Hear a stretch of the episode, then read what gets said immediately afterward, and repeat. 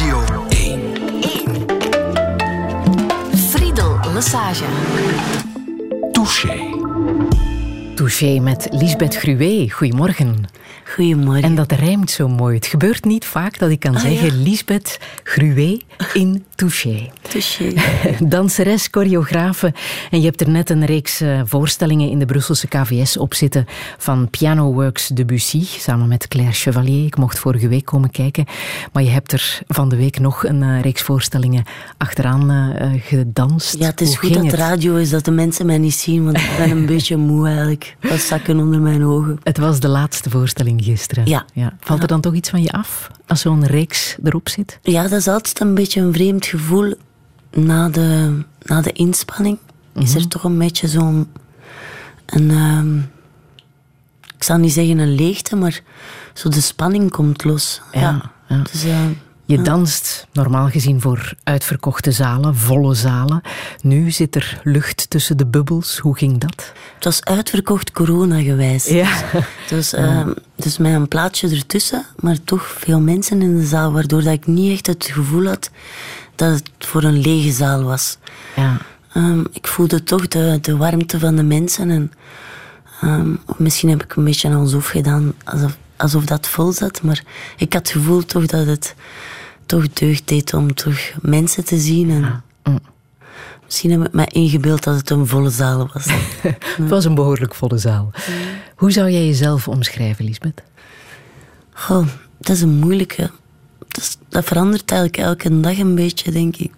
Vanmorgen dacht ik, ah, ik ben alles en niets. Ik ben een knoop en een draad en een rechte lijn en een kromme lijn. En ik ben een paardje in de wei. Alleen. Ehm, en dat is goed. Alles is goed. Alles is een beetje een uiterste. Of Ja, zit je daar ergens tussenin? Ja. Ja, dat is wel waar.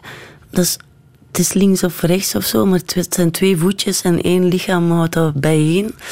Het ene voetje wil naar daar en het andere naar daar. Maar ik denk ook dat dat misschien ook eh, kan losgelaten worden, die extreme. Dat ik misschien... ehm, wat rustiger, niet rustiger, maar vrede neem met eh, een beetje minder extreme. Allee, met iets te vinden dat ertussen past of zo. Ja.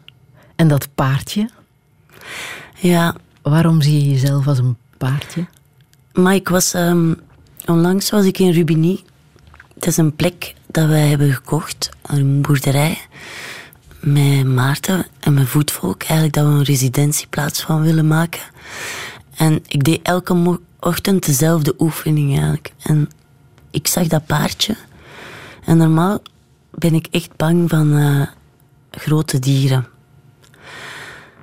Maar dat paardje heb ik elke ochtend toch zo benaderd. En op een bepaald moment kwam het naar mij en heb ik het durven strelen.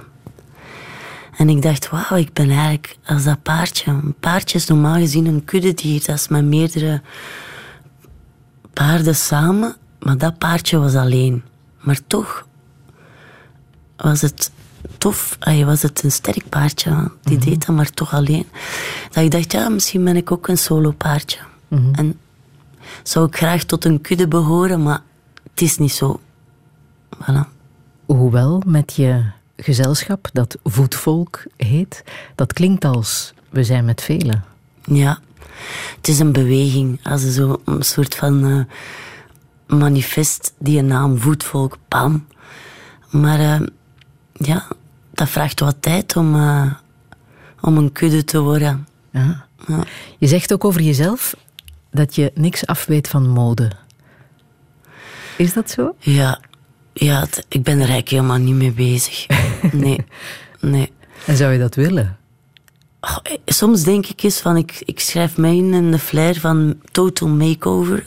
Hè, dat ze zo je kapsel doen en, eh, en u een outfit geven dat je er echt presentabel uitziet en zo. En dan, een of andere reden denk ik, ja, pff, het doet er niet toe. Op het podium zie je er toch zeer presentabel uit. Ook in deze voorstelling. Ja, dat mis ik eigenlijk nog een goede eigenlijk. Want dat is altijd wel een struggle. Het, uh, het gekleed of wat je aandoet, wat je dan... Als, als je iets danst, dat is wel belangrijk. Maar uiteindelijk... Um, ja... Het is belangrijk dat je een het juiste kostuum hebt. En dat je juist kleedt, dat is eigenlijk een onderdeel van vele onderdelen van lagen. Zoals het licht even belangrijk is als het kostuum. Alles moet juist zitten. Maar in het echte leven, ja, ik pak er niks van eigenlijk. Ja. ja. En is het waar dat jij nog nooit een BH hebt gedragen? Dat is veranderd. Is het veranderd? Dat is veranderd, ja. Omdat op een bepaald moment zei mijn moeder van... Ik denk rond mijn veertigste van dit... Je moet toch eens de vrouwelijkheid toch een beetje toelaten. En een BH zou niet misstaan. En ik merkte ook wel dat, dat, dat het ergens een soort van barrière op, opriep bij mensen als ze praten. Dat, dat, dat ik eigenlijk meer vragen op, opriep dan uh, gewoon te kunnen zijn wie dat ik ben. Dus dat, dat was precies toch een moeilijke kwestie. Dus ik zag de ogen wel naar beneden kijken en dan dacht ik van ja, misschien is het tijd om dat te doen. Maar vandaag heb ik er toch geen aan op de radio. Lisbeth Gruwe, welkom in Touché. Radio 1. 1. Friedel Lassage. Touché.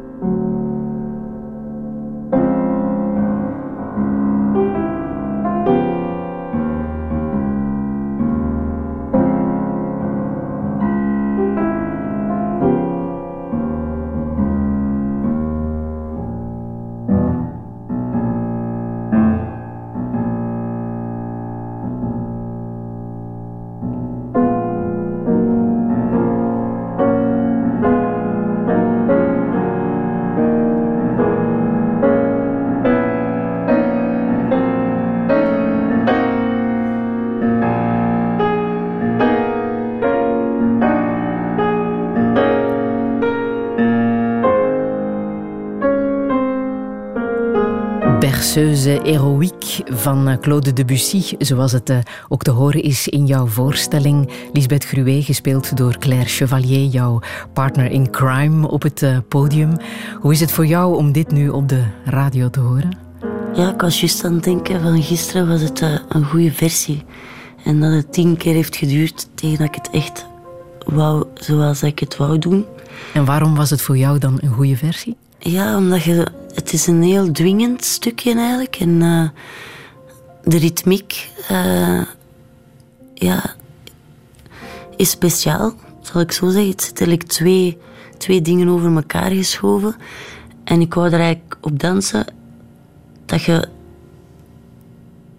niet elke noot like een, uh, een ritmische mars dans, maar dat je soms ja, dingen aanhoudt en er tegenin gaan. En dat is heel moeilijk omdat het een dwingend stukje is. Maar het lijkt mij ook aardsmoeilijk, want dit klinkt niet echt als dansmuziek. Of, of hoor jij dat anders? Ja, ik hoor dat toch anders, ja. Ik vind dat hij er wel heel goed in geslaagd is om zo iets op te roepen.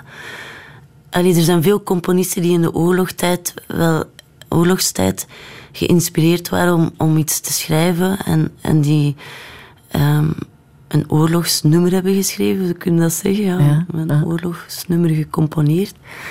Maar ik vind Debussy wel heel apart. Hij wou er echt een beetje afzetten tegen de dramatiek. En hij stikt er toch tegelijkertijd iets, ook een themaatje in van een held. Dat lichte, zo, dat komt twee keer terug. En dan heb je het over en dan onze de Brabançon die we hierin herkennen? Ja, het, het volkslied. Ja. Uh, dat hem er ook tussen steekt, dat is ook zo vreemd. Dat vind ik eigenlijk tof aan Debussy, dat hij zo, ook, ja, zo rare wendingen neemt. Want wat weet je daarover? Maar ik vind het mooi dat hij zo de codes... Het is, het is een oorlogslied, of, of een oorlogsnummer voor de Wereldoorlog 1. En hij steekt zo codes erin, dat je weet van hij wil mensen bereiken die in oorlogstijden leven en zijn hart onder de riem steken. Maar hij doet dat niet expliciet. Hij doet dat zo uh, met verborgen codes. En dan ineens komt er ja, het volkslied. En het is eigenlijk geschreven uh, op 4 augustus 1914, als, als ik juist ben, geschiedkundig. Uh, hebben de Duitsers België binnengevallen. En België was toen nog neutraal, maar ze hebben dat toch aangevallen. En de Belgen hebben zich goed verdedigd. En dan is er ergens een initiatief geweest om eh, de Belgen in, of de koning Albert daar een boek voor te maken en kunstenaars te vragen om voor de Belgen iets te, iets te, te geven.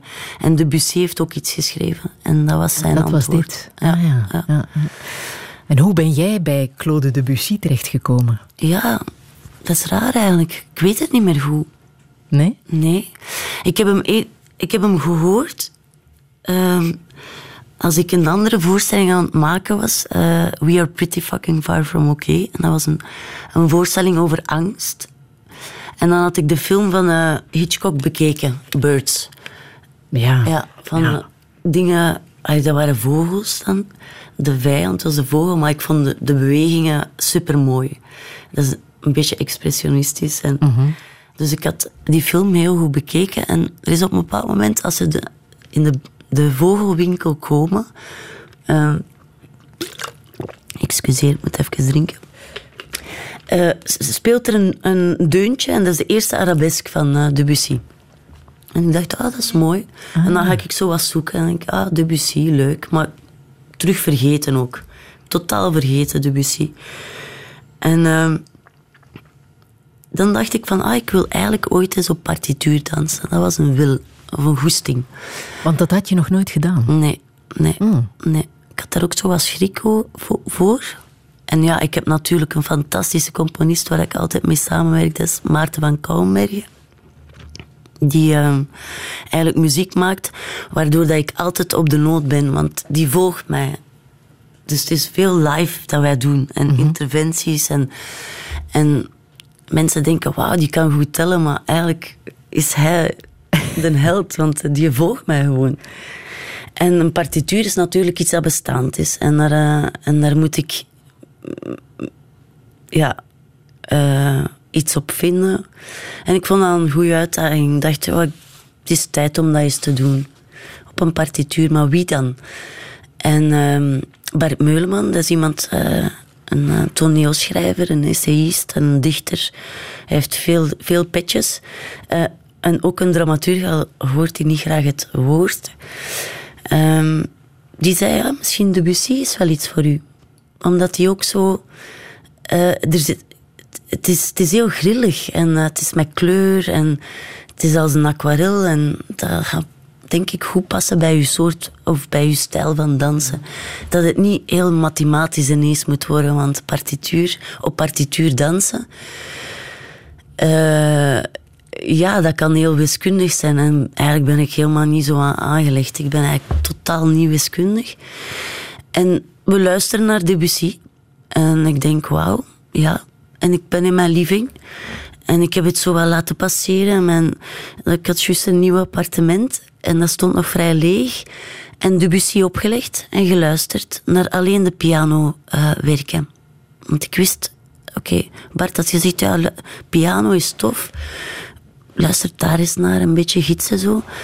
En ik danste daarop zo alsof dat ik op uh, Aretha Franklin zou dansen of zo. Heel basic. En ik dacht, wauw, ik kan hier eigenlijk grooven op Debussy. Hoe cool is dat? En zo wat gefilmd, filmpjes gemaakt. En ik vond het eigenlijk heel leuk. En dan terug losgelaten. Van ja, dat wordt niks. Dan is naar gekeken en zo, ja, oké, dat wordt niks.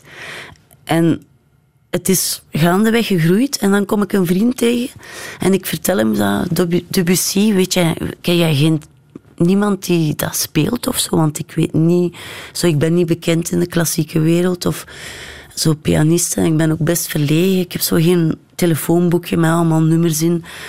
Uh, bij mij moet een beetje de dingen op toeval of op de moet iemand, ja, of iemand moet het regelen, of, eh, maar zo zelf bellen durf ik eigenlijk niet zo. En Pieter zegt, kijk, ik pak u mee uh, naar uh, de Brigittine. En Claire, Claire Chevalier speelt daar vanavond Schubert. En ga eens zien. Je weet nooit. En uh, ik ga kijken en... Ja, ze viel mij wel op eigenlijk. Ze had rode schoenen aan en ze had zo'n andere air dan de, dan de gewone muzikant. Dus ik, ik, vond ze heel spannend. En dan na twee wijntjes heb ik haar durven vragen van ja, ik zeg, ik, ik uh, uh, speelt je ook Debussy? Ik zeg, ik wil daar graag een voorstelling op maken en daarop dansen. En ik zoek iemand die graag Debussy speelt of die toch een voeling met de componist heeft. En dat kwam heel goed uit. Dat was eigenlijk fantastisch. Dus we hebben samen veel wijntjes gedronken. en uh, ze had wel iets voor Debussy. En ze vond dat heel tof dat er een danseres daar iets wou doen. En dan zijn we eigenlijk, dan dacht ik, ja, ik moet niet verder zoeken. Dit is gewoon. Dat, Dit is het. Dat, dat voelt goed.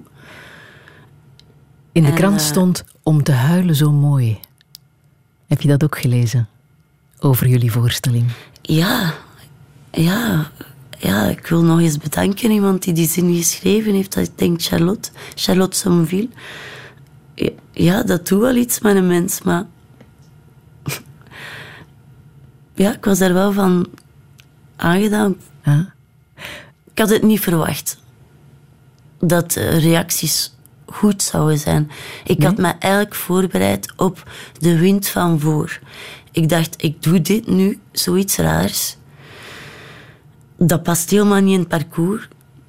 Maar ik moet durven verticaal staan en dat doen. Omdat dat iets is dat, dat nu moet komen. En voilà, en ik ben, bereid, ik ben klaar om de wind van voor te incasseren. En toen bleek het toch de wind van achter. Het is de wind van achter. en ik krijg... Ja, nee, en ik had het niet verwacht. Echt niet. Je weet nooit waar de wind vandaan komt, hè? ja. ja.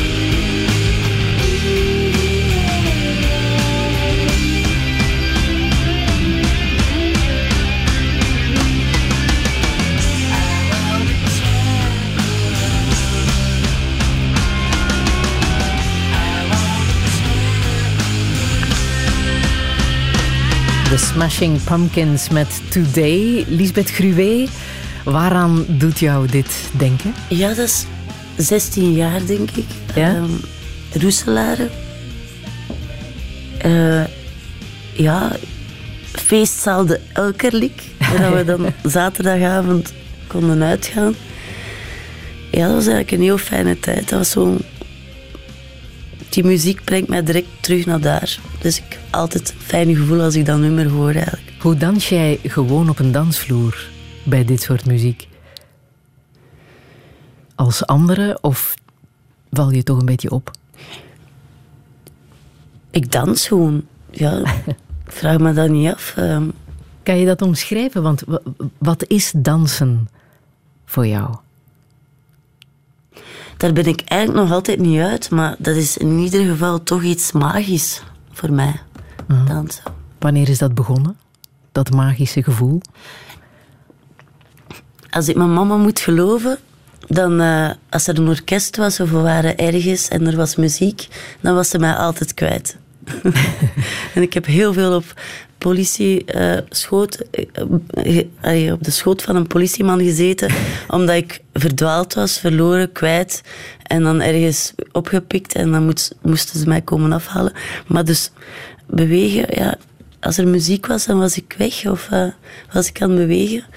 En het maakte niet uit welke muziek? Fanfare muziek of... Nee, maar ik denk, ja, dat is sterker dat willen dansen is sterker dan een genre muziek. Bijvoorbeeld, ik kan echt mij daar niet voor schamen, maar bijvoorbeeld een ster die schijnt alleen voor jou van Christophe. Ik hoor dat en ik denk op dat moment, ik wil daarop bewegen, dan doe ik dat gewoon. ik schaam me daar echt niet voor. En waar ergens zit Whitney Houston in uh, dat verhaal? Ja, dat is wel een. Ja. ja, dat was een playback show.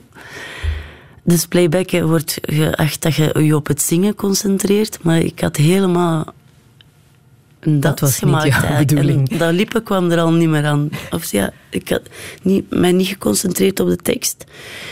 Dus ik was de laatste eigenlijk. En dat was heel triestig, want ik had er keihard aan gewerkt. En ja, ze vonden dat geen playback, maar ja, het was een dans. Het was wel een dansnummer. I het was, was een dans, was het, want ik had er keihard aan gewerkt.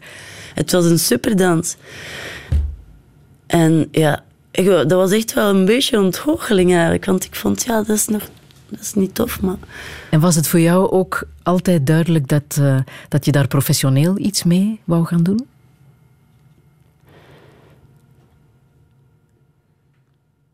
dat is moeilijk. Um, ja, je beslist dat wel op een bepaald moment dat je voor een school kiest. Van ik ga dat doen.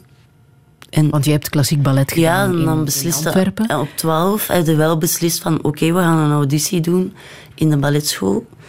En dan neemde ergens wel een, een, een afrit of ja, een mhm. keuze. Van ik ga dans studeren. Of de... Maar dan weet je toch nog altijd niet waar dat de uitkomst is. Want dat kan zo'n bevlieging zijn of zo. Maar ik nam, het, ik nam het wel serieus. En ik had wel dromen. Maar het was zo niet echt een fijne periode, die school eigenlijk. En waarom niet? Maar gewoon een instituut in het algemeen, daar heb ik het altijd moeilijk mee. Uniformen en instituten vind ik moeilijk. En het was ook echt wel een opleiding klassiek ballet. Ja. Was het ook dat, dat jou te veel een keurslijf gaf? Nee, want uiteindelijk discipline en, en zo werken aan iets vind ik heel tof. Ik, ik kan me daar echt uh, zo uh, in techniek en, en vond ik eigenlijk wel leuk. Maar ik vond het ganse ding er rond, zo de mensen en alles en de school en hoe dat de leraren dan zo dat zo serieus nemen, dat, dat pakte alle vreugde van uh, het dansen dat ik dat eigenlijk het dansen is. Maar ik nam mij ook voor van, dit is een school. Je zit hier om te leren lijnen leren, een techniek. En ik deed dat heel serieus. Maar de fun was wel weg. En was dat anders bij Paarts, de dansschool van Anne-Theresa de Keersmaker in Brussel, waar je daarna bent... Ja, dat was wel leuker, omdat er waren toffe mensen. Dat was zo wat meer... Uh, ja, Brussel ook, dat was spannend. En er waren heel leuke mensen in de klas, maar ik had terug problemen met... Het is een instituut. En je moet... Uh, ja, ze dringen toch altijd iets op. Mm Je moet voldoen aan Allee, en ik kan dat wel strippen tot eh, los van, oké, dat wil ik leren en dat wil ik leren, maar toch willen ze dat je alles leert. En eigenlijk wil ik alleen maar leren waar ik echt in geïnteresseerd ben. Mhm. Want heel veel meisjes houden van ballet, uh, maken dansvideootjes op TikTok en wat is het allemaal. Dat dansen bij meisjes, dat, dat is toch iets, hè? Heb jij dan een goede raad voor die meisjes die dromen van een danscarrière? Denk twee keer na. Nee, nee, nee maar ja, is, is dat je moet. Het is niet alleen uh, glitter en glamour, dat moet je weten. Er is, er is heel veel hard werk en, en je moet um, tof cookie zijn als je dat wilt doen, vind ik. Want als je dat wilt doen, ja, er, het is, dan komen we terug op twee extremen. Het plezier ervan, maar ook de keerzijde van. Ah ja. Want dansen, bewegen, zegt ook veel over vrijheid nemen. Hè? Toch? Je doet dingen die wij uh, niet zo gewoon vinden. Nu zitten wij hier gewoon Kijk, op een stoel in de studio. En dat is een heel mooi moment uit mijn, mm mijn jeugd, denk ik, dat ik me nog super goed herinner. Ik had een nieuw een, een, jurkje aan. Ik was daar blij mee. En ik weet dat ik aan het ronddraaien was, als uh, kinderen graag doen, op de speelplaats. Aan het ronddraaien. En dat was een moment van ubervrijheid. En ik deed dat en niemand was mee aan het doen. Ik was alleen. En ze hebben mij gestopt op dat moment. Kinderen konden dat niet aan of hebben mij gestopt. En in een positie gedrukt om dat te, te beknotten. En sinds dat, dat gevoel heb ik zoiets van... Dat wil ik... Dat is, dat is dansen voor mij, vrijheid. Ah. Of, en wat, wat, wat er ook gebeurt, is dat je toch durft voor die vrijheid kiezen. Want we zijn te geconditioneerd als het gaat over bewegen. Niemand doet maar, het, hè? Maar bewegen Midden gewoon, straat, maar geconditioneerd ook een beetje uh, iedereen zo'n beetje stijfjes toch. Het is zo mooi, dat vind ik zo tof aan kinderen. Ik ben heel graag bij kinderen en met kinderen. Uh, die, die, die doen soms heel rare bewegingen, maar die trekken zich niks aan van van de perceptie van iemand anders. Die doen gewoon wat die moeten doen. Of die draaien en die tollen in het park totdat ze vallen. En dat mag. Ja, eigenlijk moeten we dat nooit verliezen, vind ik. Het kind in je eigen. Of, of die drang om, uh, om het zotte geweld. Om, om maar als volwassenen dat doen, dan kijkt iedereen toch vreemd op. Hè? Ja, dat doe je niet. Ja, ja, ja. Bij mij mogen ze vreemd opkijken. Maar ik, ik, kan het doen op een podium. En mensen betalen een ticket, maar ik durf het ook in de straat doen, want ik dans eigenlijk overal. Ja.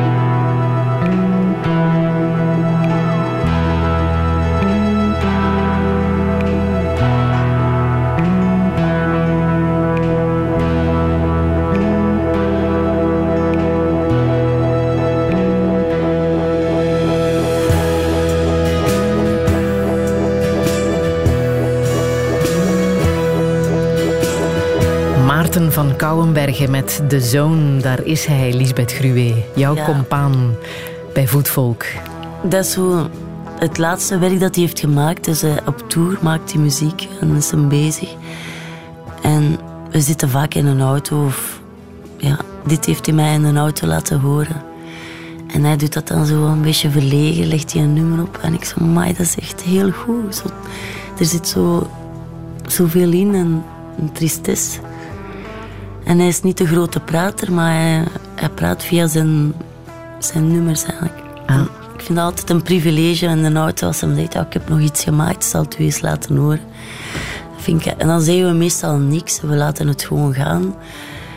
En dan wil je het toch daarna bespreken. En ik heb gewoon gezegd met dat nummer, het is zo een jankend goed nummer. En blijft hangen ook. Ah. 13 jaar geleden hebben jullie samen Voetvolk opgericht, hè? Ja. Dat was een heel goede zaak. Ja? Ja? ja. Waarom? Omdat ehm, wij twee goede krachten bijeen zijn eigenlijk. Ja, dat is een, eh, een, goed, een, betere ontmoeting eigenlijk. Dat is iemand die... Ja, ehm, Want de band is heel close, hè? Jullie doen met jullie twee, vermoed ik, echt alles samen. maar ook niet zo close eigenlijk. Nee? Nee, we werken heel... We kunnen heel goed samenwerken. Maar onze privélevens zijn toch gescheiden. Is Ja. dat het, de goede manier om, om dat eh, te onderhouden? Het goede evenwicht? Ja, het is gewoon de manier. Ik weet niet of dat de goede manier is. Het is onze manier. Ja, Die werkt. Ja, die werkt. Dus dat laten we zo gewoon. We sleutelen daar niet veel aan. Maar ehm, het is wel fantastisch dat hij er is. Anders, ja, dat is echt een, eh, een maatje eigenlijk. Ja. Hoe zijn jullie op elkaars pad gekomen? Door Faberen eigenlijk. We hebben allebei auditie gedaan voor dezelfde voorstelling. En eh, As Long as the World Needs a Warrior, warrior Soul. En ehm, hij als muzikant en ik als danseres. En zo hebben we elkaar leren kennen. Zo op tour, Ja. samen getoerd. En dat klikte nou, want we moesten dansen maken en hij gitaar spelen. En ja, we werkten eigenlijk al samen. Van, oké, hoe moeten we dat hier in elkaar steken? En jullie hebben bij Jan Fabre nog meer voorstellingen samengemaakt, hè? Ja. Ja. Ook de iconische ja, voorstelling. en daar heeft Maarten ook de muziek voor gemaakt eigenlijk. De iconische voorstelling waar jij in olijfolie danst. Naakt. En waar jij je carrière aan te danken hebt? Ik heb mijn carrière te danken aan gewoon alle kilometers dat ik bij je gedanst heb, denk ik. Maar dat was toch wel een, eh, een fijn moment waar dat ik heel de wereld mee afgereisd heb. En ja, dat de mensen toch wel bij is gebleven. Ja. Maar iedereen denkt dat ik heel de tijd naakt dans en dat is niet waar, want dat is maar 15 minuten uiteindelijk. Ja. Maar voilà. Maar het was wel een mooie periode. Mhm. En een prachtige voorstelling. Als ik die nu terugzie, is zo, vind ik die wel wat ge- gedateerd of zo. Ja? Maar ja, het is altijd moeilijk om je eigen te zien eh, op een video. Ik vind dans ook moeilijk te vertalen naar video eigenlijk. Dat is zoiets moeilijk. Ehm, ja, Hoe kwam die keuze voor olijfolie trouwens? Ah, dat wacht, moet ik even terug in, in de tijd. Ja, omdat de, de voorstelling is een hommage aan Yves Klein. Die eh, eigenlijk de, kunstenaar van de lucht was. En hij zingt toch... Er is ooit een nummer over hem geschreven. ehm, wacht, hè, door Domenico Modungo. Modugno. Die was naar een tentoonstelling gaan kijken. En dat waren de blauwe monochromen, denk ik. En hij schrijft het nummer... Penso che un sogno così non ritorni mai più. Mi dipingevo le mani, la faccia di blu. En dan... En, eh, Fabre zei, we moeten iets vinden waar dat je de materie voelt en dat je mee insmeert. Ga naar huis en denk na. En ik had een, een pot Nivea, eh, honing en olijfolie. en dan is het olijfolie geworden. Dat heb je zelf gekozen. ik had drie elementen. Ik dacht, ja, drie ideeën, we gaan er wel iets uithalen. En dan zijn we voor de olijfolie gegaan. En, maar dat was wel Faber die zei, van dat, dat element gaan we kiezen. Want hij, doet altijd, altijd, hij deed altijd alsof dat het van u kwam. Maar hij had het eigenlijk al op voorhand In zijn bedacht. hoofd. Ja, want dat kon je zien aan zijn tekeningen.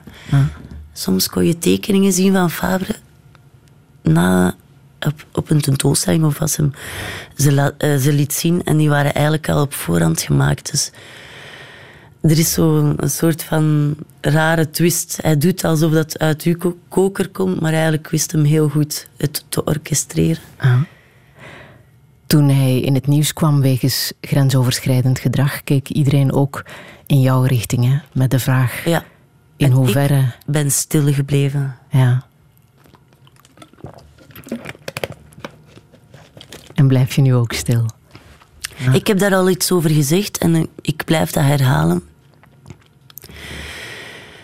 Is dat ik het een heel spijtige zaak vind. Dat het zo moet eindigen en dat er geen opening is om het debat open te gooien. Dus er zijn beschuldigingen, er zijn mensen gekwetst. Voor mij is dat tien jaar geleden. Ik ben ergens anders. Ik heb dat meegemaakt. De tijden waren anders. Maar nu zit er een, een vacuüm. Het zit vast. Er is zelfs geen... De slachtoffers zijn niet geholpen en Fabre ook niet. En een legacy van alles wat hij ervoor heeft gedaan, wordt gewoon met het badwater weggegooid. En het zit vast. Terwijl dat we eigenlijk zouden moeten het debat openen en de beide partijen verzoenen met elkaar of, of, of ergens dat er een gesprek komt. En nu zit het vast. En wat zijn we daar dan mee? Luisteren en stappen vooruit zetten. Ja, ja, want ja, dat is de enigste weg, denk ik. Want wat, wat, wat, wat doe je anders?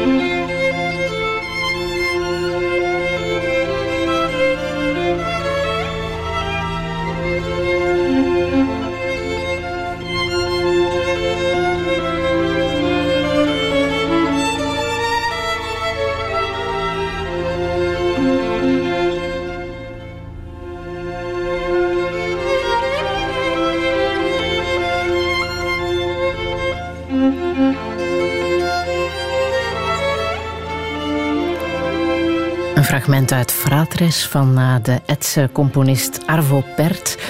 Bloedmooi is het en het gaat nog een eindje door. We zetten het ook op onze Spotify Touché-lijst. Ja, je moet het helemaal horen. Ja, hè? ja. Lisbeth Gruwe, waarom wou je dit laten horen? Wat betekent het voor jou? Ja, alles eigenlijk. Ik heb er ook een heel klein stukje uitgenomen om een voorstelling of een dans te onderstrepen. Ik heb niet het ganse stuk gebruikt, terwijl dat ik het eigenlijk, ja, dat ik denk van, amai, dat is barbaars om eigenlijk maar een stukje te gebruiken, maar de violen heb ik gebruikt, op repeat. Het heel begin zo. Terug. En daar heb ik een dans op gemaakt, en op een heel mooie locatie eigenlijk. Eerst... Um, en dan later is dat een stukje ook geworden uit de solo It's Going to Get Worse and Worse and Worse. Die toch wel een belangrijke voorstelling was, dat een beetje alles heeft doen draaien. En um, dit, de eerste keer als, het, als ik het gebruikt heb, was... Dus uh, je moet je voorstellen, Toscaanse heuvels. Daar is een kunstwerk van Jean-Philippe David, die, er iets van monolithen heeft ingezet. En die aan mij gevraagd had van, oké, ik doe daar iets, een performance. Met de achtergrond, de zon die ondergaat. Prachtige locatie. En uh, ik dacht, ah, die violen wil ik horen in dat landschap. Ja, ja dat klinkt echt knullig op, uh, op radio. Je moet het zien. De, Toscaanse heuvels moeten erbij. Uh, um, maar het was, een, het was een krachtige dans. En, en dat had voor mij een heel persoonlijke betekenis. En ik was er echt een paar demonen aan het uitzweten. En dat was een ongelooflijke avond eigenlijk. En Arvo Pert heeft mij uh, een cadeau gegeven om die een duivel te kunnen uitzweten of zo. Uh -huh. ja. En welke, daar welke duivel een, heb je uitge... Een klein rugzakje verloren. Ja. Dat laat ik aan, uh, aan, aan, aan, de verbeelding over welke rugzak. Maar het was wel een rugzakje. Maar is het, is het dat wat je inderdaad doet? Want je gaat soms echt wel tot het uiterste. Ik zag jou um, Penelope, waar je hoe lang rond je as draait? Twintig minuten. Twintig minuten. Dat is volgens mij een urenkort. Is dat? Heeft er iemand ooit langer rond haar as gedraaid? Ik denk, derwisje doen het wel een uur of zo. Ja, het, het kan. Daar kan je nog net niet tegenop. Nee. Ah. nee. Maar wat gebeurt er dan in jouw lichaam als je dat aan het doen bent? Is dat een soort hypnose? Is dat ja, een automatisme? Het is een verdwijntruc. Dat je zo afzet van uh, het aardse bestaan. Of, uh, um, je, je, kunt iets afleggen. Je zei, er is geen... Um, geen, geen gedachten meer die je kunnen. Ja, je bent vrij. Vrijheid. Komen terug op dat woord. Ja, ja. Dat is. Je vliegt. En vertrouwen hebben in je eigen lichaam, denk ik dan.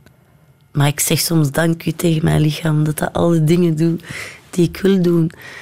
Um, ja, het is een vehikel, maar. Uh, het is een soort van religieus iets, of ja, ik weet het niet. Ja.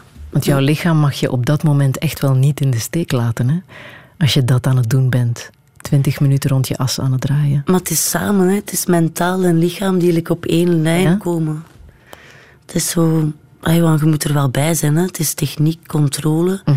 maar erop vertrouwen dat dat lichaam, dat je 50% heel aanwezig zijn en 50% zo weg als een huis eigenlijk. Maar dat is een fantastische combinatie als je in die zone geraakt. Ja. Mm.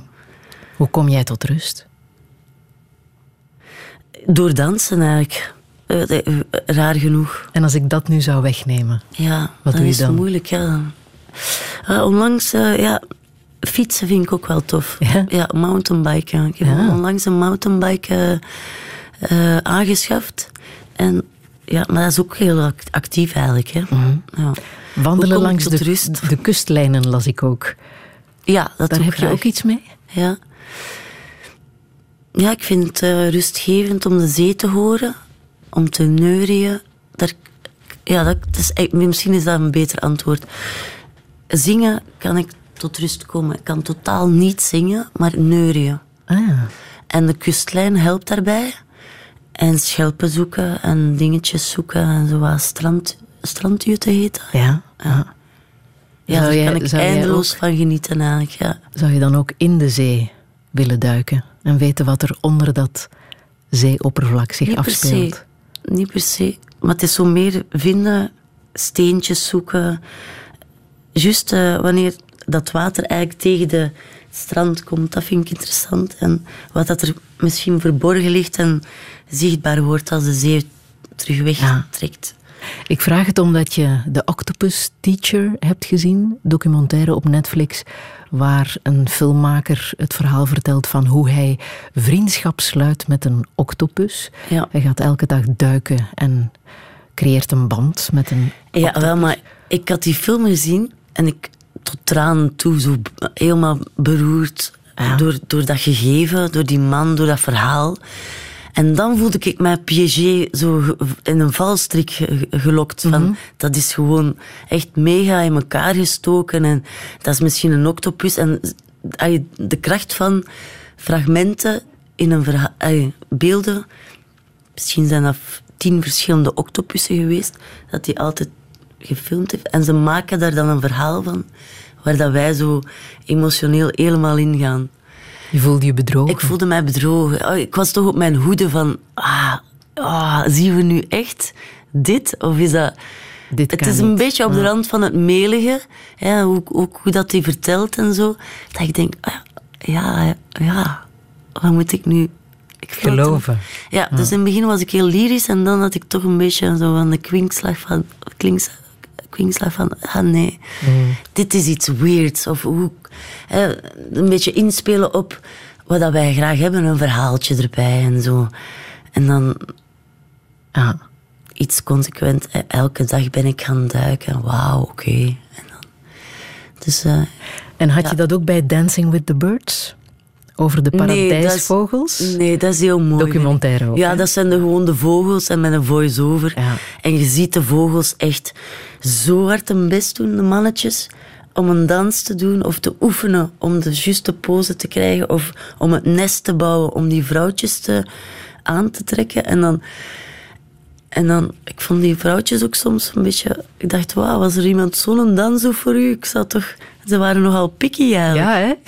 Vond ze moeilijk, de vrouwtjes. Ja. Maar ook prachtig qua kostuums. En dat, dat ik denk, wauw. Ja, ik kan daar dan eh, een beetje over nadenken. Van, ah, mooie kleuren. Het zit allemaal in de natuur eigenlijk. Ja. Ik heb Maar dat was anders dan my, my mentor, my octopus. eh, de octopus, my mentor. Dat vond ik toch wel... Ik weet het niet. Ja. Ik heb nog muziek uit eh, Papillon, film uit de jaren 70 met Steve Oh. McQueen en Dustin Hoffman. Ehm, maar ik had ook muziek uit Escape from Alcatraz kunnen halen, Ja. denk ik. Twee gevangenisfilms. Ja, ik heb graag ontsnappingsfilms.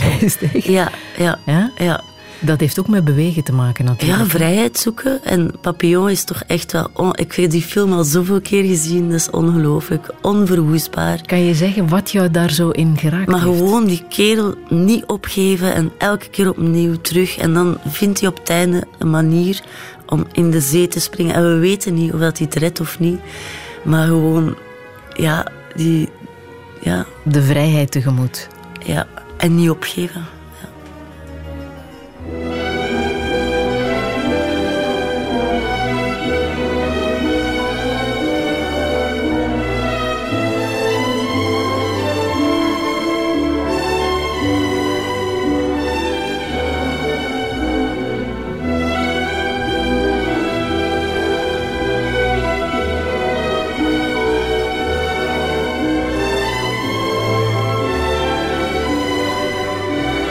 Meeslepende muziek uit, eh, de papi, uit Papillon. Radio 1. Friedel Lesage. Touché.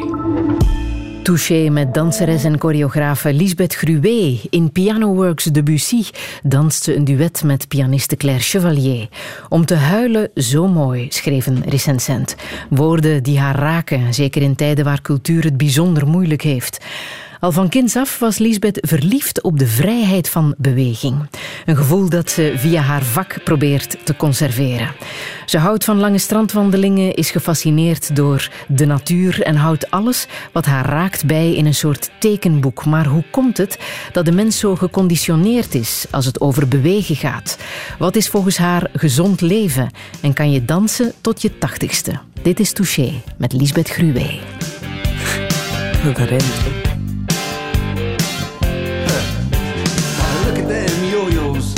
The way you do it. You play the guitar on the MTV. That ain't working, that's the way you do it. Money for nothing and your chicks for free. Now that ain't working, that's the way you do it. Let me tell you, damn guys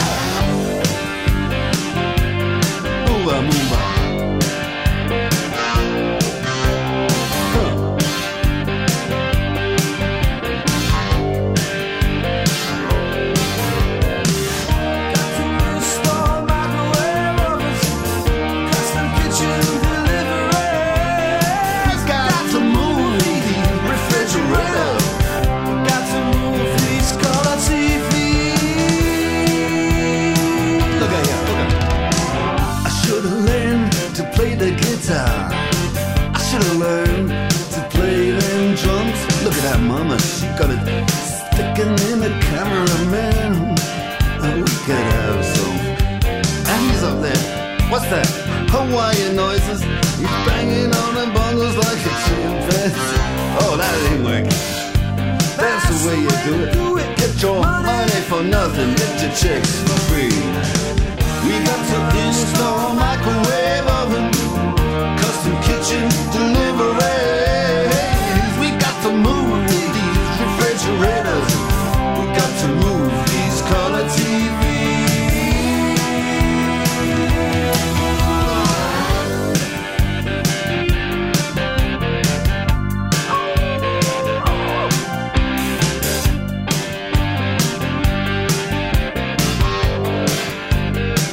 Listen here, that that ain't working. That's the way you do it. You play the guitar on the MTV. That ain't working. That's the way you do it. Money for nothing and your chicks for free. Money for nothing.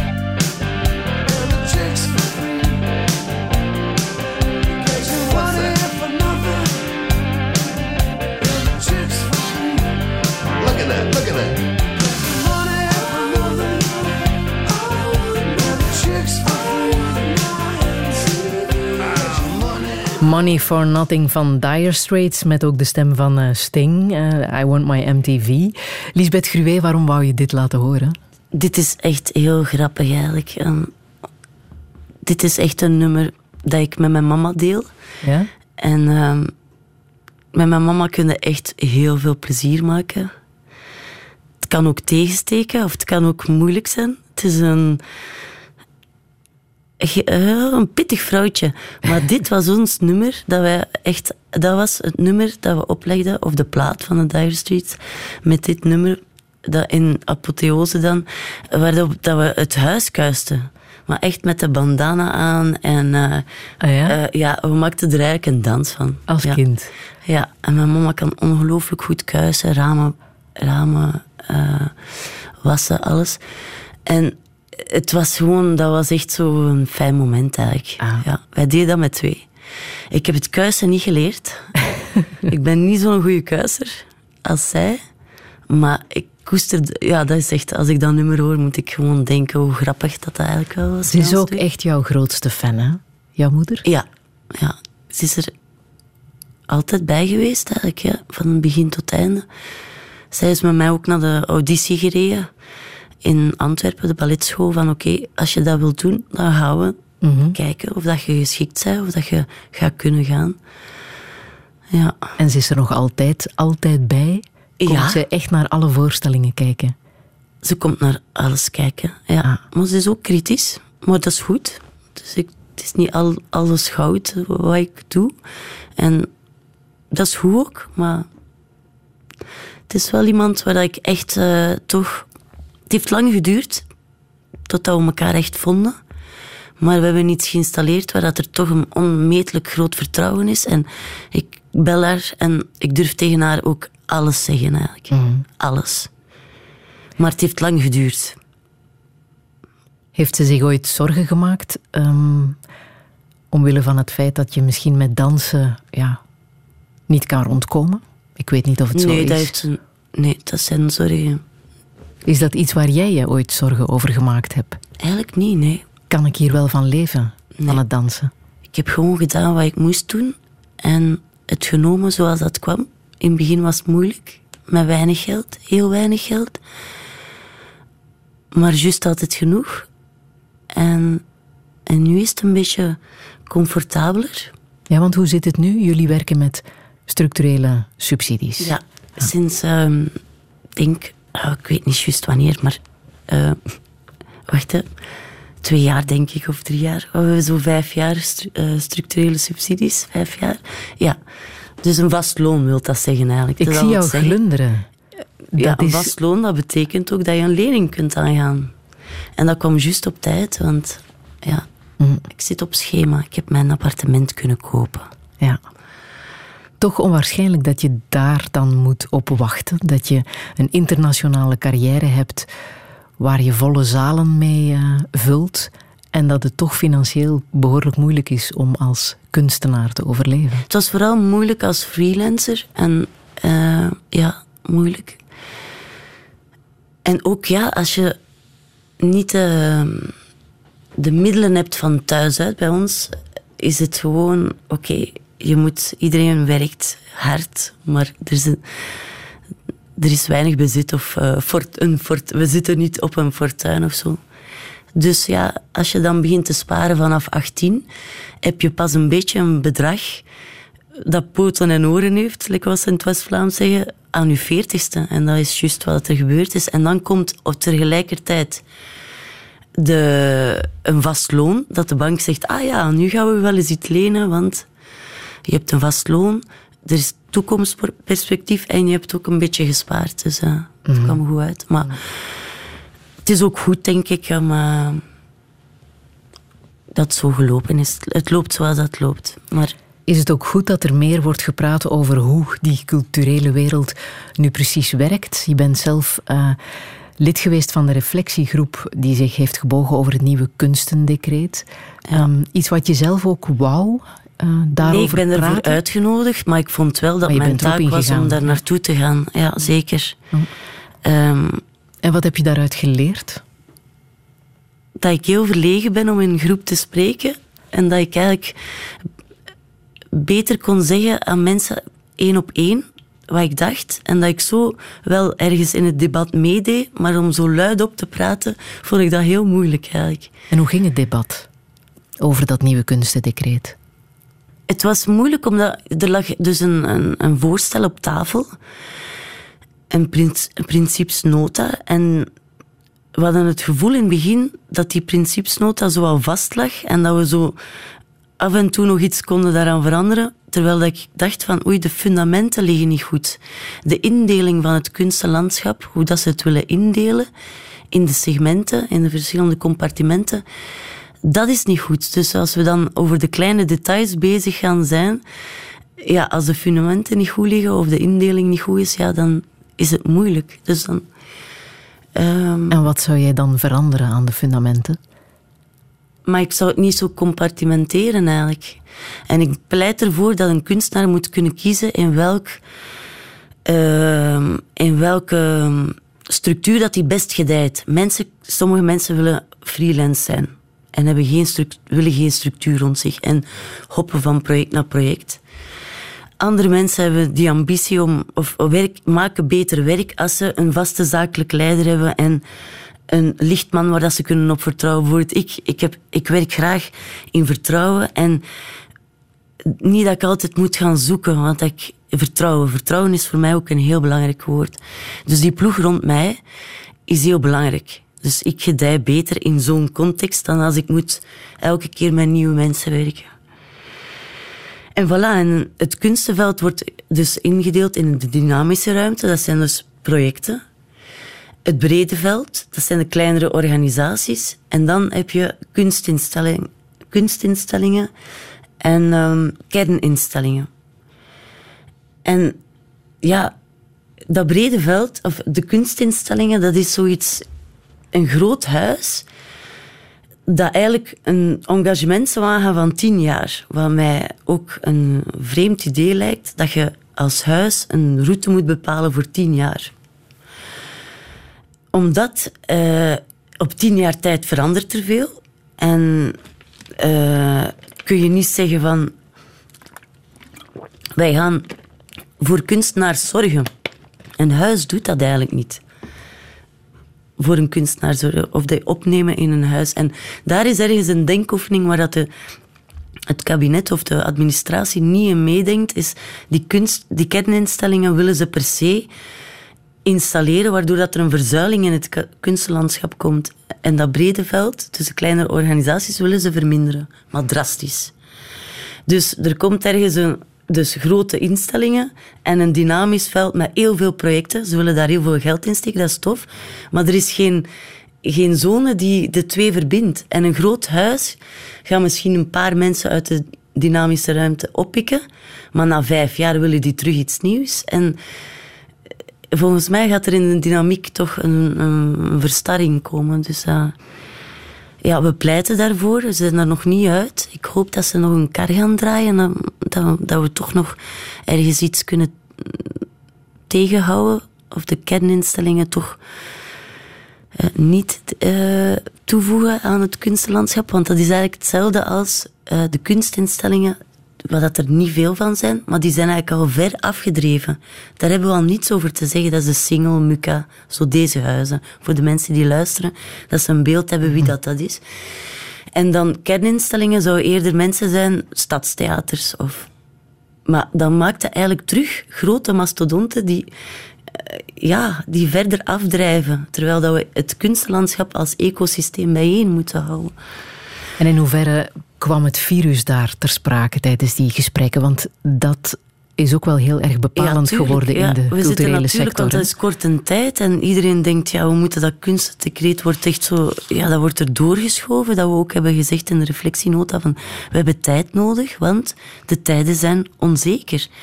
En we moeten ook zien hoe dat we dat gaan oplossen, dat probleem, want er is wel een acuut, ja, een, mhm. een reëel probleem. Ik heb voor uitstel gevraagd en er waren mensen ook die, die, die dat vonden van ja, we kunnen eigenlijk niet wezenlijk weten wat we moeten doen nu met de omstandigheden. Want moeten voorstellingen ook nog beperkt worden tot de besloten ruimte van theaterzalen?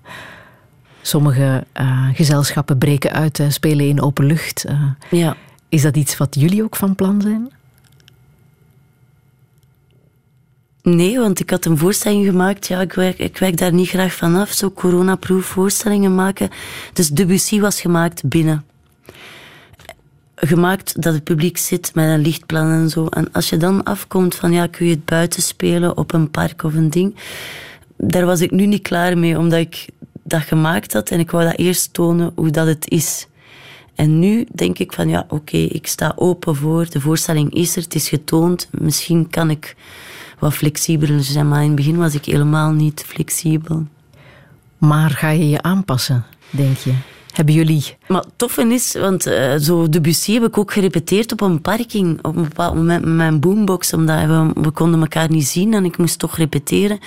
En ik zet mijn boombox met Claire uh, Chevalier door de boxen en ik denk, ja, ik ga gewoon Debussy repeteren. En toen dacht ik, wauw het kan ook. En je hebt dan wat fietsers die zo wat raar kijken en zeggen: Oh ja, leuk, we gaan eens stoppen. Wat ah, gebeurt er hier? Ja. Dus ja. Want ik las dat je misschien wel wandelend van de ene plek waar je gaat spelen naar de andere wil trekken. Is dat ja, echt ja, een plan? Een, ja, dat is een wezenlijk idee dat ik had. Ehm, om te vermijden dat we in een vliegtuig zitten en ergens uitgespuwd worden en ontvangen worden door een groep theatermensen, daar spelen, terug de vlieger op en eigenlijk tijdens de vlucht, dat is zo'n dode ruimte, een vlucht, praat je niet. Iedereen zit op zijn device of doet iets, maar eigenlijk praat je niet. En ik dacht, wauw, het zou tof zijn moest je een tour kunnen maken dat je dat kunt vermijden. Die vacuümzones. En je stapt terug door een landschap en je gaat van één plek naar een andere plek. Dat maakt dat de dansers gaan praten of de mensen gaan praten met elkaar. En er, je gaat iets beleven in plaats van in een tube, in een, ja, te vliegen. Dat is weird eigenlijk ook. Dus dat was het idee van dat, dat, dat, dat wandelen. Dat is, uh, logistiek is dat wel moeilijk te, te ja, productiegewijs is dat moeilijk, maar ik denk wel um, dat ik dat wil voortzetten. Ik moet natuurlijk ook dansers vinden die dat willen doen. Hè. Ja, want het kan ver zijn, hè? Ja, het kan ver zijn. Brussel naar Amsterdam, naar... Ja, dat is wel even stappen. Ja, ja. maar het, het zou tof zijn, zijn dat we zo een uur voor de voorstelling uh, dat je op sociale media kunt zien van ah, we wandelen een stukje mee met de voetbalcrew tot aan het theater. Dan gaan de ene ploeg gaan naar de douche voor de voorstelling te doen, een wijntje drinken en dan zien we elkaar terug, podium en... Ja, Klinkt goed. Ja, Klinkt ja. goed.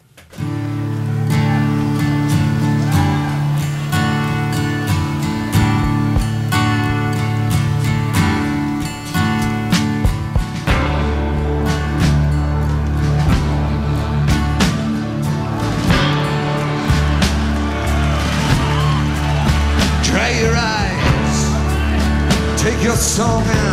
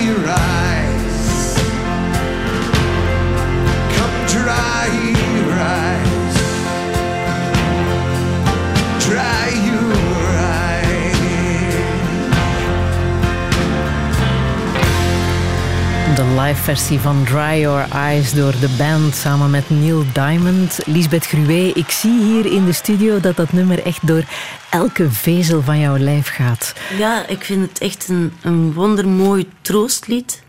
En het is ook geschreven als troost. Um, als, um, voor de mensen, eigenlijk de rouwende massa na de dood van Martin Luther King. Um, ja, het geeft zoveel kracht en hoop. Van, laat u uw stem horen, droog uw ogen en ga voort. Dus voor mij is het ook, het is echt een troostlied ook. En elke keer als ik het hoor, doet het hetzelfde effect. En hij heeft het uh, heel goed gezongen, want normaal ben ik niet zo'n Neil Diamond fan eigenlijk. Maar um, hij heeft het gezongen en je kunt het zien in de documentaire The Last, The Last Waltz, waar dat met Bob Dylan, dat ik eigenlijk uh, uh, beter vind. Maar hij heeft die een avond het beste gezongen. Ah. Neil Diamond, dat nummer. En mij doet het gewoon zo... Ja, ik kan er echt kracht uitputten of zo. Huil jij makkelijk? Ja. Lachen, huilen, alle kleuren van de regenboog, ja. Ah. ja. Ik las ergens dat dansers heel vaak gekwetste mensen zijn. Herken je je daarin?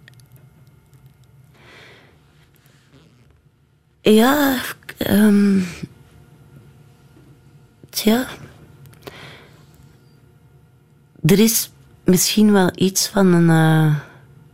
Uh, waarom sta je op een podium en doe je zoiets? Ja, of put je jezelf uit? Dus ik heb lang gedacht dat dat, dat was. Dat, dat, dat er toch wel een kwetsuur zit bij de mensen. En dan overstijg je dat, die kwetsuur. En dan kan uw dans iets zeggen. En dan is dat niet meer zo therapie eigenlijk. Maar hmm. wordt het een, een, kunstvorm? Of kan je het kneden naar iets dat je echt wilt zeggen met je lijf? Maar iedereen gaat door die periode, denk ik. Als je, als je van, uh, van zoeken en uh, die kwetsuren opzoeken. Mm ja. En welke kwetsuren draag jij mee, denk je? Oh, veel. Het zijn, uh, ja, iedereen heeft moeilijke momenten in zijn leven, maar ik heb toch wel mijn deel gehad qua scharniermomenten of um, ontgoochelingen of uh, momenten dat ik dacht van dit is de waarheid en het wordt gewoon helemaal weggeblazen. En dat is denk ik één keer gebeurd en ik dacht, dat kom ik niet te boven. En dan is dat nog eens gebeurd en nog eens. Dus drie keer. En dan dacht ik, oké, okay, wow, ja.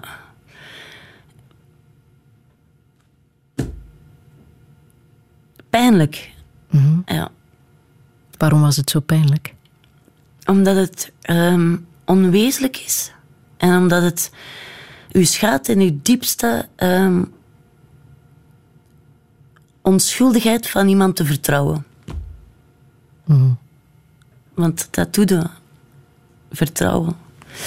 En dat is iets waar ik, uh, ja, waar ik, ik kan dat een plaats geven. En ik, maar het is wel gebeurd en ik moet er ver, verder mee dealen. En ik heb wel het gevoel dat dat mij toch wel een beetje belet of een beetje handicap maakt in sommige uh, uh, dingen in het leven. Dan gaat het over.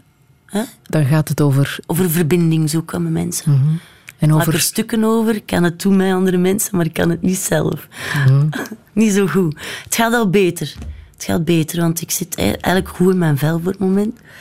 En het, het gaat vooruit, maar ik, het neemt allemaal tijd om zo'n kwetsuren te over, overkomen. Het heeft tijd gekost. En ik ben heel lastig geweest en een pijn in die ass. En, maar het was nodig. Ik moest het uitzweten.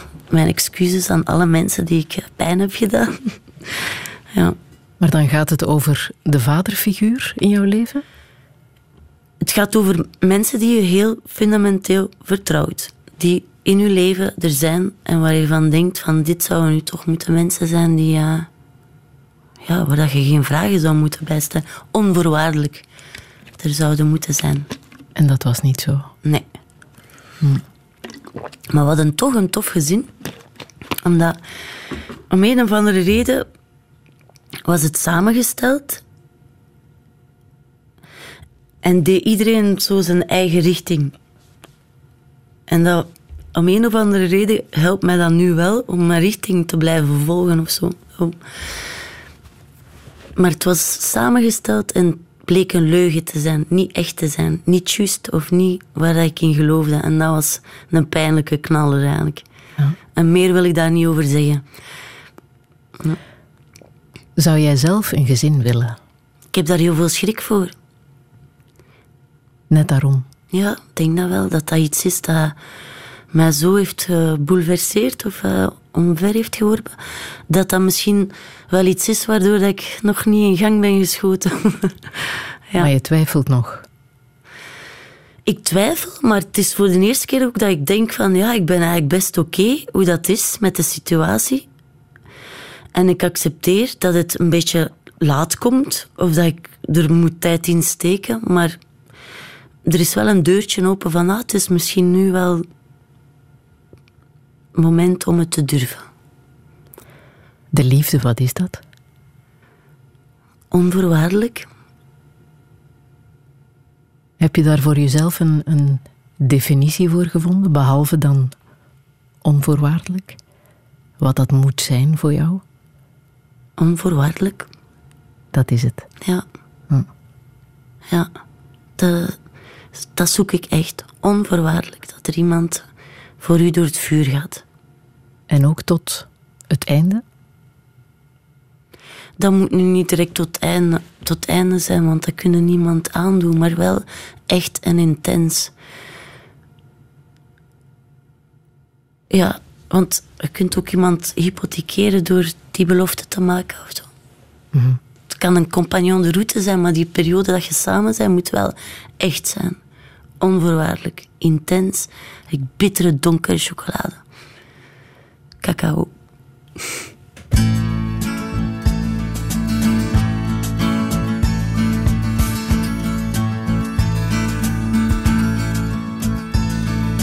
Early one morning, the sun was shining. I was laying in bed, wondering if she'd changed it all, if her hair was still red. Her folks, they said our lives together sure was gonna be rough. They never did like Mama's homemade dress. Papa's bank book wasn't big enough. And I was standing on the side of the road, rain falling on my shoes. Heading out for the East Coast, Lord knows I paid some dues getting through. Tangled up in blue.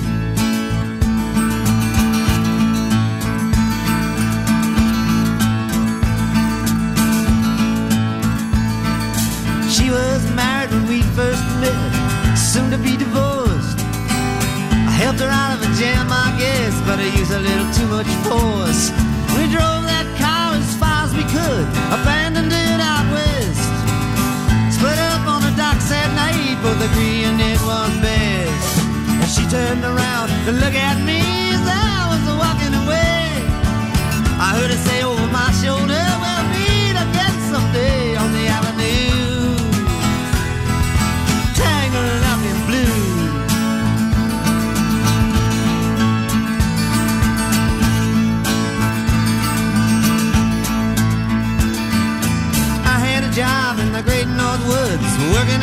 for a spell. But I never did like it all that much, and one day the axe just fell. So I drifted down to New Orleans, where lucky with a be employed. Working for a while on a fishing boat right outside of Delacroix. But all the while I was alone, the past was close behind. I seen a lot of women, but she never escaped my mind, I just grew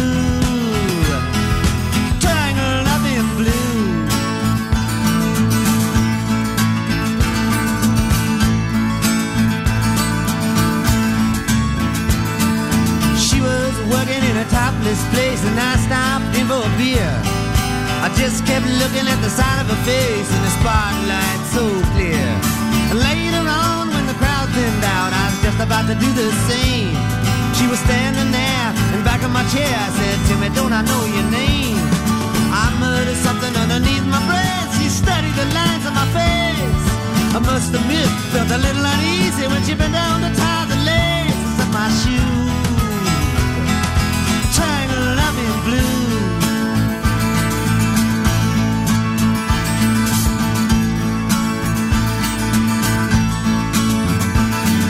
She lit a burner on the stove and offered me a pipe. I thought you'd never say hello, she said. You look like a silent type. And she opened up a book of poems and handed it to me. Written by an Italian poet from the 13th century.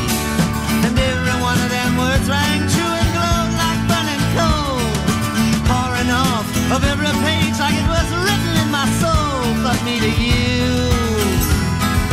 Time to love blue.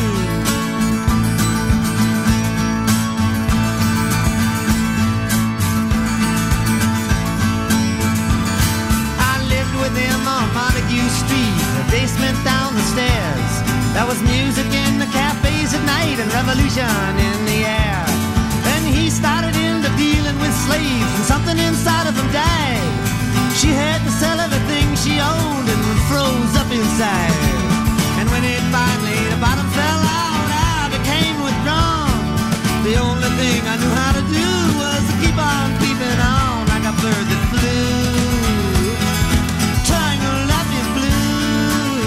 Bob Dylan met Tangled Up in Blue. Lisbeth Gruwe, hij moest erbij. Hè? Ja, Een touché erbij. zonder Bob Dylan was onmogelijk geweest. Nee, het is dat. Maar op dat nummer heb ik nooit gedanst. Maar eh, ik vind het wel een heel goed nummer. Ah, je hebt een voorstelling gemaakt, Lisbeth Gruwe, Dances Bob Dylan. Dans je trouwens nog altijd. Hè? Ja. Met die voorstelling toer je nog week in altijd. Venetië trouwens. Ja, geweldig. Venetië. Ja, Ja. ja. Hoe ben je op dat idee gekomen om... Maar Maarten was, eh, dus Maarten van Kouwenberg, mijn compagnon, op tour eigenlijk. Was het, soms gebeurden de dingen zonder daar veel te veel over na te denken. En hij had een mega Bob Dylan periode. Dus in de theaters, voordat we, of voor de opwarming, legde hij Bob Dylan op nummers. En ik dacht, ja, oké, ik kende eigenlijk niet zo goed het werk. En in het begin dacht ik, ik weet het niet goed, maar ik vind het altijd wel leuk als er muziek is, dan dans ik. En ehm, dus dat bleef duren, die eh, liefde voor Bob Dylan. Dus de nummers bleven, bleven komen en hij leidde nog eens iets anders op. En op een duur had ik daar zo, wat, ja, de opwarming, dat was Bob Dylan. Zo. En eh dramaturg, de Bart Meuleman, die ik al eerder heb vernoemd. Ja, Lisbeth Gruwe is Bob Dylan. En het was vertrokken eigenlijk. Zo simpel kan het soms gaan. nou, en dan legt Maarten plaatjes op. Ja, en dat is ook zo, want zo is het ook geweest. Want hij zei, ik ga je, leren, ik ga je een ingang geven. Dat is het eerste dat je moet horen. Cup of Coffee was het eerste. Ehm, en ja, zoals dat iemand vroeger ook een plaatje oplegt voor iemand, dat ritueel, dat hebben we ook gewoon zo in scène gezet. Alsof dat je in onze living binnenkomt en dat we plaatjes aan het draaien zijn en er wordt gedanst. En wat vindt Bob Dylan zelf van jouw voorstelling? Geen idee, dus ik heb... eh, goh, het was niet gemakkelijk om, om eh, de rechten aan te vragen, dus dat is met heel veel tussenpersonen. Ik heb een brief geschreven, een videootje opgestuurd. Ik weet niet of dat de man het gezien heeft. Maar ehm, ik heb het wel gedaan. Zou je het willen?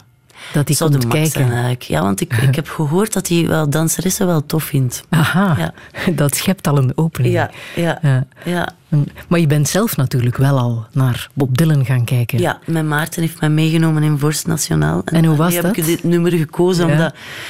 Dus ik... eh, Maarten had hem al meerdere keer gezien, maar voor mij was het de eerste keer. En ik zat naast hem. En, dus ik was zo een beetje aan het doen alsof dat ik de nummers wel ken. En dit, met dit nummer was hij helemaal een, een andere twist aan doen. Dus ik herkende en ik zo, welk nummer is dat toch? Tangled Up in Blue. Ja, Onherkenbaar. ja, en dat vond ik zo cool aan hem ook. Dat ik dacht van, ja, ik, ik durf dat ook doen in voorstellingen van... eh, het materiaal is er, maar het gewoon helemaal omdraaien. En gewoon je ding ermee doen. Het is van u, hè. Niemand anders speelt het zoals... Ja, kan het spelen zoals hij het speelt. Of eh, danst het zoals jij het danst. Dus dat materiaal is van u. En die vrijheid moet je terugvinden om dat gewoon niet uh, krampachtig te willen vasthouden, maar gewoon ondersteboven te draaien en binnenste buiten. En ik vond, ja, dat is wel iets dat ik eigenlijk wel tof vond. En ga je nog meer doen met Bob Dylan? Een feestje organiseren? Maar ja, we hebben altijd zo wel toffe plannen eigenlijk. Maar ik, ik dacht van Everybody Dances Bob Dylan. Is dat je als publiek kunt nadenken van welk nummer dat je iets wilt brengen. En ik dans er drie en dan laten we de mensen gewoon een plaatje aanvragen dat ze iets op hebben. En dan mogen ze zelf dansen. Dus dat het dan dansbaar wordt. En dan is het ook gedaan met die voorstelling. Iedereen danses, everybody dances. Bob, Dylan. Ja. Volgend jaar wordt hij er 80. Ja, dat zou mooi zijn eigenlijk, dat we hem kunnen vieren. ja. Wat zou jij hem willen zeggen voor zijn 80ste verjaardag? Niet zeggen, misschien een, een move. de move? Nee, ik denk dat ik heel bang zou zijn. Als ik hem zie, zou ik verlegen worden. Hmm. Dat is zoiets. Ik zie er zo niet uit, maar ik ben eigenlijk mega verlegen, oh plus. Hoe zie jij jezelf 80 worden?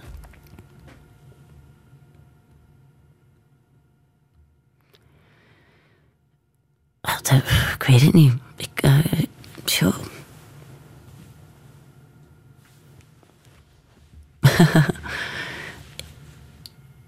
dat, ik weet het niet. Met of zonder sigaret? Dat weet ik ook niet. Ik moet stoppen, maar ja. Dat lukt voorlopig niet. Nee. Nee. Hoeveel? Een pakje per dag? Ja. Vreemd hè, voor een danseres? Mm Ja, dat gaat niet echt goed samen eigenlijk. Wat is dat, verslaving? Maar er zijn nog danseressen die veel rookten. Hè. Ja, hè? Pina Bausch die rookte ook heel veel. Nat Schijn pakte die vluchten om te, te kunnen... Dus een vlucht rechtstreeks, maar met tussenstops om te kunnen roken. Dus ik ben niet alleen. Maar dan worden misschien wel geen 80. Dus daar kan ik niet op antwoorden wat ik al zijn op mijn 80 En hoe zit het met het lijf, met de slijtage van het lichaam? Uh, goed eigenlijk. Ik, ik kan, mijn lijf is heel goed, maar ik heb uh, een beetje een, een, een kwetsuurtje gehad aan mijn knie. Dus een meniscus. Ik heb geen kraakbenen meer, zo van die dingen. Ja, een nekhernia gehad. Maar ik kan nog alles doen wat ik wil doen. Heb je daar schrik voor, dat dat achteruit kan gaan, zelfs bij een danseres? Ja, ik probeer daar niet aan te denken en blij te zijn met vandaag dat ik nog van alles kan doen. Nee, ik probeer mij geen zorgen te maken. We zien wel. Mhm. En wat doe je om jezelf in goede conditie te houden? Wat is... Mountainbiken. Gezond leven, wat, maar ik wat dans is dat eigenlijk constant. Eigenlijk. Wat, eh, ik zie niet de limitatie van een studio dat je ergens naartoe moet gaan en een workout moet doen. Mhm. Ik vind dat je kunt stappen op een manier waarop je ook een training doet. Of, uh, ja, je kunt mij wel eens betrappen als ik gewoon aan het wachten ben bij de bakker, dat ik beenoefeningen aan het doen ben. Ah. Yoga doe je ook, hè? yoga, meditatie, tai chi, zo van die... Uh... Is dat dan voor het lichaam of voor de geest, in jouw geval? Beide. Mm Ja. Dat is ook nodig, om die geest te trainen? Ja, om... Uh, om uh, je vrij te kunnen maken van gedachten. Dat je dat kunt... Dat je gewoon lichaam kunt zijn. Dat is ja? tof, ja. Heb je daar last van? Zit er soms te maar veel Iedereen heeft hoofd? gedachten. Hè? Een molen of een trein aan gedachten die passeren elke dag of elk moment. Heel veel flitsende gedachten. En dat is juist zo tof aan dansen op een podium, is dat dat, dat allemaal versmelt. En er is zo geen uh, stem van buitenaf die, die je bekritiseert of uh, beknot. Mm. Je kunt die precies afzetten en je wordt lichaam. Maar dat wordt, je brein en je lichaam werken perfect samen. En als jij zegt, ik voel mij nu goed in mijn vel, waaraan ligt dat dan? Ik denk een keer zes maanden pauze te, gehad te hebben. Dus ik heb ja? echt diep kunnen relaxen en een keer nadenken over wat er allemaal nog scheef zit. en, wat heb je dan gedaan in die zes maanden? Ja, ik heb wel aan mijn eigen gewerkt. En uh, aan, uh, op het veld gewerkt. Mm -hmm. Groentjes gekweekt. Wat doet dat met jou? Groente kweken? Dat was tof, dat was heel goed. Een beetje in de aarde, aarde. Letterlijk. deed mij goed eigenlijk, ja. Maar na een tijd had ik het ook, ja, Gehad. gehad. Ja. Dus, eh, maar ik zag het ook terug als een soort van lichamelijke oefening of zen-meditatie om 150 putten voor tomaten te maken. Dat je zo, het- als je kijkt op het einde van de rij en je denkt, moet er nog zoveel doen, dat is niet goed. Dus je moet put per put pakken. En dan kun je zo in een trip geraken en wordt dat een goede oefening. Dus dat veld heeft mij zeker iets geleerd, maar ik denk toch ook van dat ik het niet, niet voor altijd zou kunnen doen. Meer een hobby dan. Ja. Ja. Je hebt ook een nieuwe plek, hè?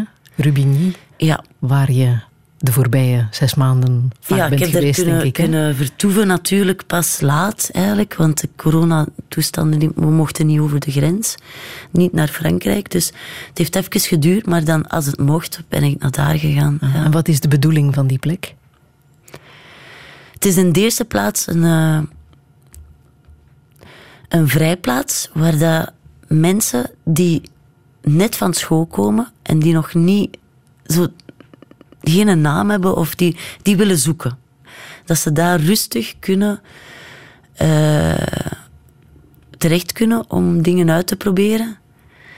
Terwijl dat ze soms in een huis al een dossier moeten tonen of iets moeten gepresteerd hebben. Dat willen wij niet doen. Wij willen een plek offereren aan de, de, de, de zonen zo vanuit school niet goed weten. En even tijd pakken van wie ben ik nu, wat wil ik doen, wat is mijn materiaal. Of dat. Dat is zeer genereus, hè? Ja. Ja, omdat als ik dat gekregen heb zelf als danser, dan vind ik dat dat ook schoon is als je dat kunt terug doorgeven aan eh, zelf. Want ik- ja. ik heb van Faber altijd de sleutel gekregen. Ah, je wilt werk maken, Gruwe. Hier, de sleutel. En ik kon s'nachts er binnen of overdag.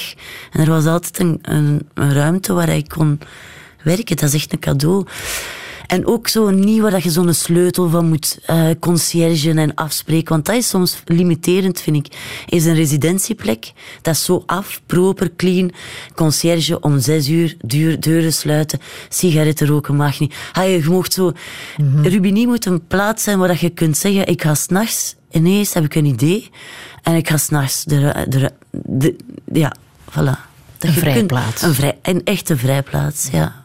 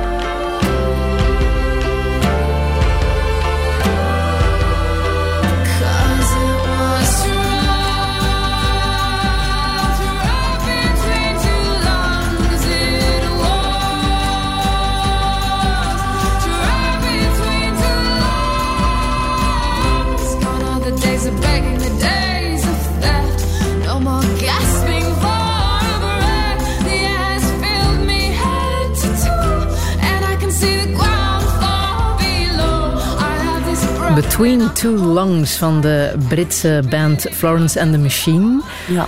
Lisbeth Gruwe, waarom wou je dit laten horen? Ik heb ze live gezien en dat was echt eh, fantastisch. Die heeft heel, die, eh, heel het volk meegekregen. En op het einde stonden we te springen en kleren waren gescheurd van haar. En Ja? ja, ze had mij echt helemaal mee. Dat ik dacht van wauw, dit is echt zo genereus. Heel genereus. En eh, jong en oud door elkaar. En iedereen was aan het springen. Ik had er een heel mooie herinnering aan eigenlijk. Je vergeleek ze ook met een sjamaan. Ging het echt zo ver? Ja, wel, ja, sommige momenten zijn zo dat, dat iemand dat kan om zo'n zo warm te zijn dat je iedereen mee- meekrijgt of zo. Of, of zich kan opsplitsen in zo'n.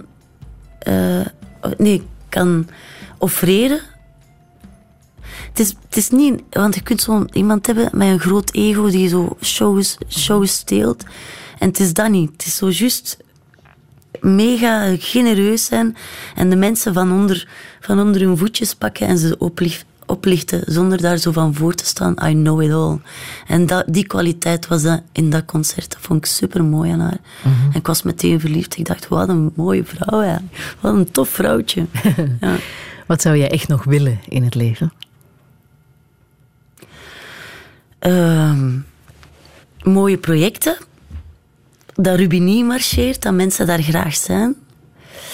En ja, de, ja, pff, En voor jezelf, op persoonlijk vlak? ja, liefde. Veel liefde. Grote liefde. Welke boodschap wil je nog meegeven? Wel, ik zou willen zeggen merci om te luisteren aan de mensen. En maak er een swingende zondag van. Als je kunt af en toe gewoon de vrijheid pakken om een beweging te doen, doe het gewoon. Want En we zijn doe niet net aan wat nu- de mensen zeggen rondom u. Nu wel heel erg beknot, hè? Want we mogen elkaar niet zomaar meer omarmen en handen geven. Maar we mogen wel nog een zotte beweging hier en daar doen. Misschien moeten we dat net nu wat vaker doen. Doe maar. Ik heb nog eh, John Armatrading met Save Ah, Me. Ja. De stem is echt onbeschrijfelijk mooi. En die kan zoveel kleur daarin leggen. Ik vind dat echt een wonder mooie, mooi nummer eigenlijk. En soms zou ik dat willen dat er iemand... eh throw me a lifeline to save me. Ja, dat is wel een mooi nummer. Heel mooi. Te weinig gedraaid op de radio, vind ik. We maken het goed. Dat is goed. Current's uncertain, like sails of a mill I spin. Like wheels I move in a circle while you stand on the bank, immune or evasive. Throw me a lifeline, save me. Intimacy and affection frozen. In this game of chance, I forfeit.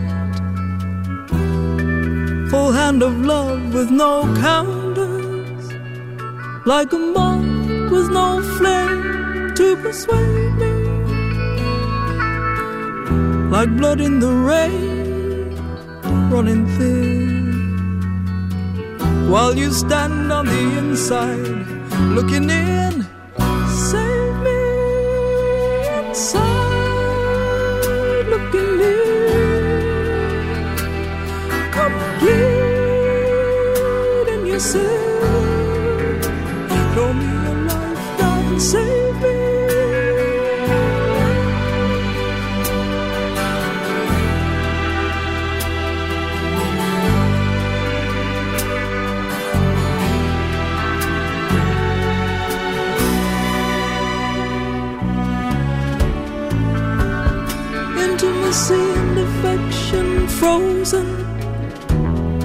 This game of chance I forfeit. A full hand of love with no counter, like a moth with no flame to persuade me, like blood in the rain running thin. while you stand on the inside,